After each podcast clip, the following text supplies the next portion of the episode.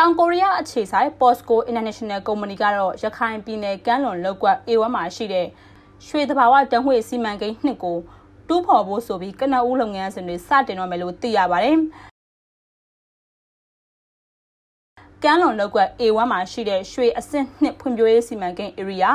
drilling campaign လုပ်ငန်းတွေကို Set Submersible Drilling Rig Ocean Monarch နဲ့ဆောင်ရွက်နေတဲ့ကာလအတွင်းမှာနှောင့်နှေးမှုတွေမဖြစ်ပေါ်စေဖို့ဆိုပြီးတွင်းတူးမဲ့တီနေရာတွေကိုရေချောင်းသတိပေးချက်တွေကိုထုတ်ပြန်ကြေညာထားပါသေးတယ်။ရွှေတဘာဝတန်းငွေစီမံကိန်းမှာ A1 နဲ့ A3 လောက်ကွက်တွေပါရှိပြီး A1 မှာတော့ရွှေနဲ့ရွှေဖြူလောက်ကွက်တွေရှိပြီးဒီလောက်ကွက်တွေကနေဖွံ့ဖြိုးရေးလေရင်စီရှစ်တွင်းကိုစီးပွားဖြစ်တူးဖော်ဖို့ဆိုပြီး Posco International ကစီမံထားတာပါ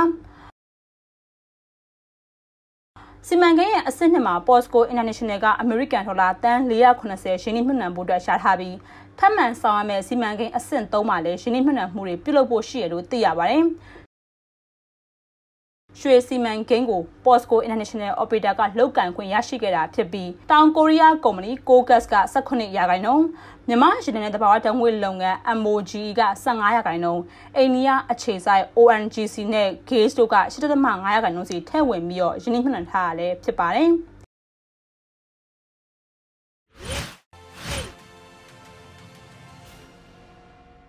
Rosaboron Export was established on November 4, 2000, pursuant to the decree of the President of Russia.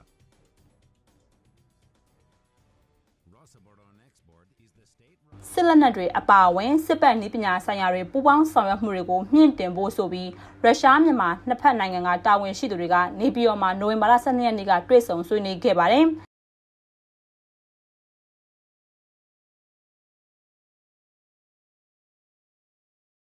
မြန်မာစစ်ကောင်ဆောင်ဗိုလ်ချုပ်မှုကြီးမင်းအောင်လှိုင်နဲ့ရုရှားမြန်မာစစ်ပတ်နှီးပညာပူးပေါင်းဆောင်ရွက်ရေးပူးတွဲကော်မရှင်ဥက္ကဋ္ဌ FSMDS ရုရှားရဲ့ဒုတိယညွှန်ကြားရေးမှူးမစ္စတာဗလာဒီမာဒိုဇက်နဲ့ JSC Resvoni Run ကုမ္ပဏီတို့ရဲ့ညွှန်ကြားရေးမှူးချုပ်ဖြစ်တဲ့မစ္စတာအီလန်ချက်မတ်တို့ကနေပြည်တော်မှာတွေ့ဆုံခဲ့ရလို့စစ်ကောင်စီရဲ့ပြန်ကြားရေးဘက်ကထုတ်ပြန်ထားပါတယ်။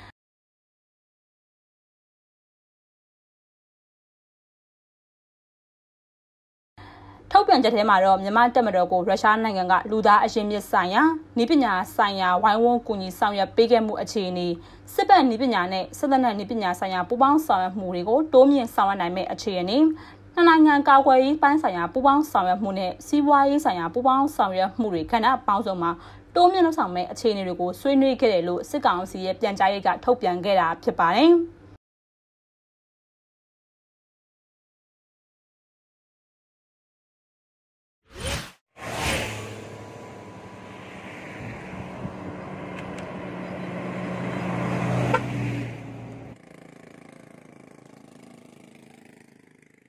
2021 2022 6လဘဏ္ဍာနှစ်ရဲ့ပထမတလကျော်အတွင်းမှာပဲမြန်မာနိုင်ငံနဲ့အိန္ဒိယနိုင်ငံတွေကြားမှာနေဆက်ကုန်သွယ်မှုတွေကပြီးခဲ့တဲ့ဘဏ္ဍာနှစ်ကလာတူနဲ့နှိုင်းယှဉ်လိုက်ရင်အမေရိကန်ဒေါ်လာ932တန်းကျော်ထိရော့ကျနေရလို့စစ်ကောင်စီလက်အောက်ခံစီးပွားကူးတန်းဝန်ကြီးဌာနကနေသိရပါတယ်။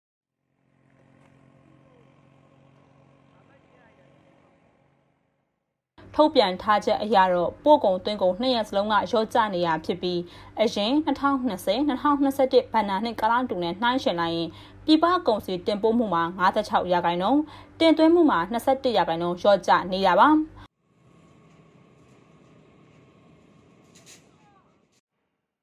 အခုဘဏ္ဍာနှစ်မှာရေချောင်းကုန်သွယ်ရေးကနေအမေရိကန်ဒေါ်လာတန်220ကျော်ပိုကုန်သွယ်နိုင်ခဲ့ပေမဲ့လည်းနေဆက်ကုန်သွယ်ရေးအပိုင်းမှာတော့လျှော့နေလာတာလည်းဖြစ်ပါတယ်။နေဆက်ကုန်သွယ်ရေးမှာတော့တရုတ်နိုင်ငံနဲ့ကုန်သွယ်မှုကအမေရိကန်ဒေါ်လာတန်ပေါင်း600နီးပါးဘင်္ဂလားဒေ့ရှ်နိုင်ငံနဲ့ကုန်သွယ်မှုကတော့အမေရိကန်ဒေါ်လာ3.5တန်ကျော်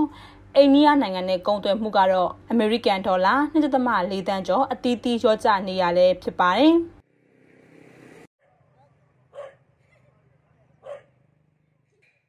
စစ်ကောင်စီကတော့2022ခုနှစ်မတ်လအထိဆောင်ရွက်မဲ့နှစ်ဝက်ဘတ်ဂျက်ရဲ့ကုန်သွယ်မှုကဏ္ဍမှာရလဒ်ကောင်းတွေရရှိဖို့အတွက်မျှော်မှန်းထားပြီးပို့ကုန်မှာအမေရိကန်ဒေါ်လာ8.2ဘီလီယံသွင်းကုန်ကိုအမေရိကန်ဒေါ်လာ8.8ဘီလီယံကုန်သွယ်နိုင်ဖို့ကိုလည်းရှာထားတယ်လို့ထုတ်ပြန်ထားတာဖြစ်ပါတယ်။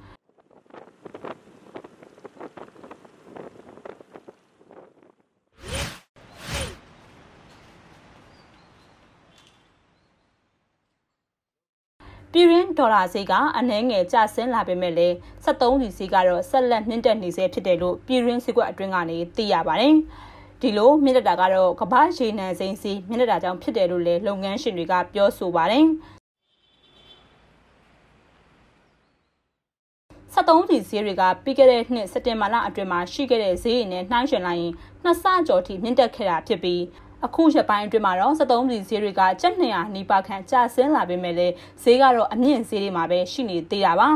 73ပြည်ဈေးကတော့စစ်အာဏာမသိမ်းခင်ဇန်နဝါရီလနောက်ဆုံးအပတ်ထိရောတလီတာကိုကျပ်900ထိရှိခဲ့ပေမဲ့အာနာသိမ့်ပြီးနောက်ပိုင်းကစပြီးတဖြည်းဖြည်းမြင့်တက်ခဲ့တာကတော့2021ခုနှစ်စက်တင်ဘာလ10ရက်နေ့မှာတလီတာကို1900ကျပ်ထိစံချိန်တင်ဖြစ်ပေါ်ခဲ့တာပါ။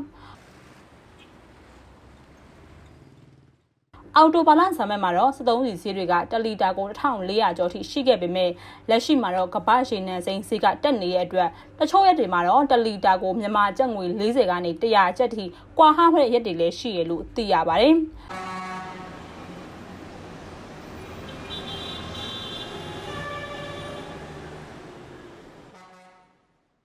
နိုဝင်ဘာလ10ရက်နေ့ရဲ့ပေါက်ဈေးအထိတော့ 92တလီတာက1380ကျပ်95တလီတာက1445ကျပ်ထိပေါက်ဈေးရှိနေရပါ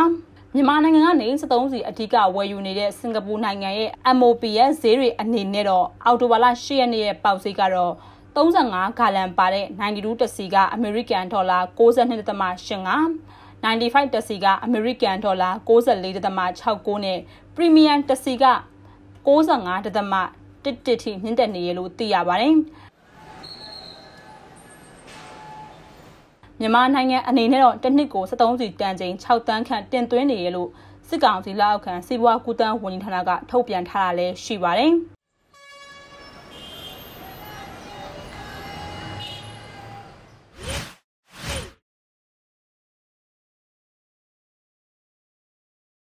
တရုတ်နိုင်ငံဘက်အချမ်းကနှစ်နိုင်ငံနေဆက်ကုံသွယ်ရေးတွေဖြစ်တဲ့ချင်းရွှေဟော်နဲ့ကမ်ပိုက်တီဂိတ်တွေကိုပြန်ဖွင့်ဖို့ဆိုပြီးပြင်ဆင်နေရလို့ချင်းရွှေဟော် CCI ကထုတ်ပြန်လိုက်ပါတယ်။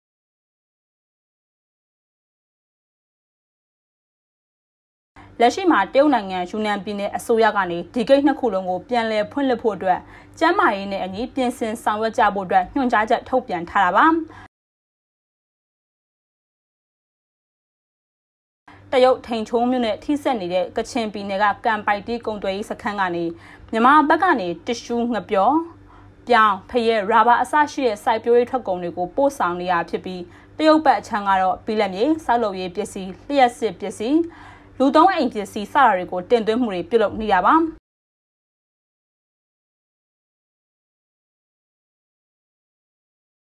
ပြီးခဲ့တဲ့ဗနာနှစ်ဩဂုတ်လထီရောပို့ကုန်ကနေအမေရိကန်ဒေါ်လာ266.45တန်တွင်းကုန်အနေနဲ့အမေရိကန်ဒေါ်လာ4.336တန်ရရှိခဲ့ပြီးတော့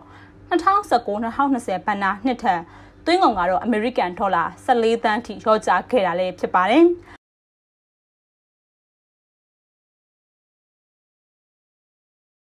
ဒါအပြင် COVID-19 ကပ်ရောဂါကိုအကြောင်းပြပြီးတော့ချင်းရွှေရောနှက်စက်ခိတ်ကိုပိတ်ထားခဲ့တဲ့အတွက်လည်း2020-2021ဘဏ္ဍာနှစ်ဩဂုတ်လမှာ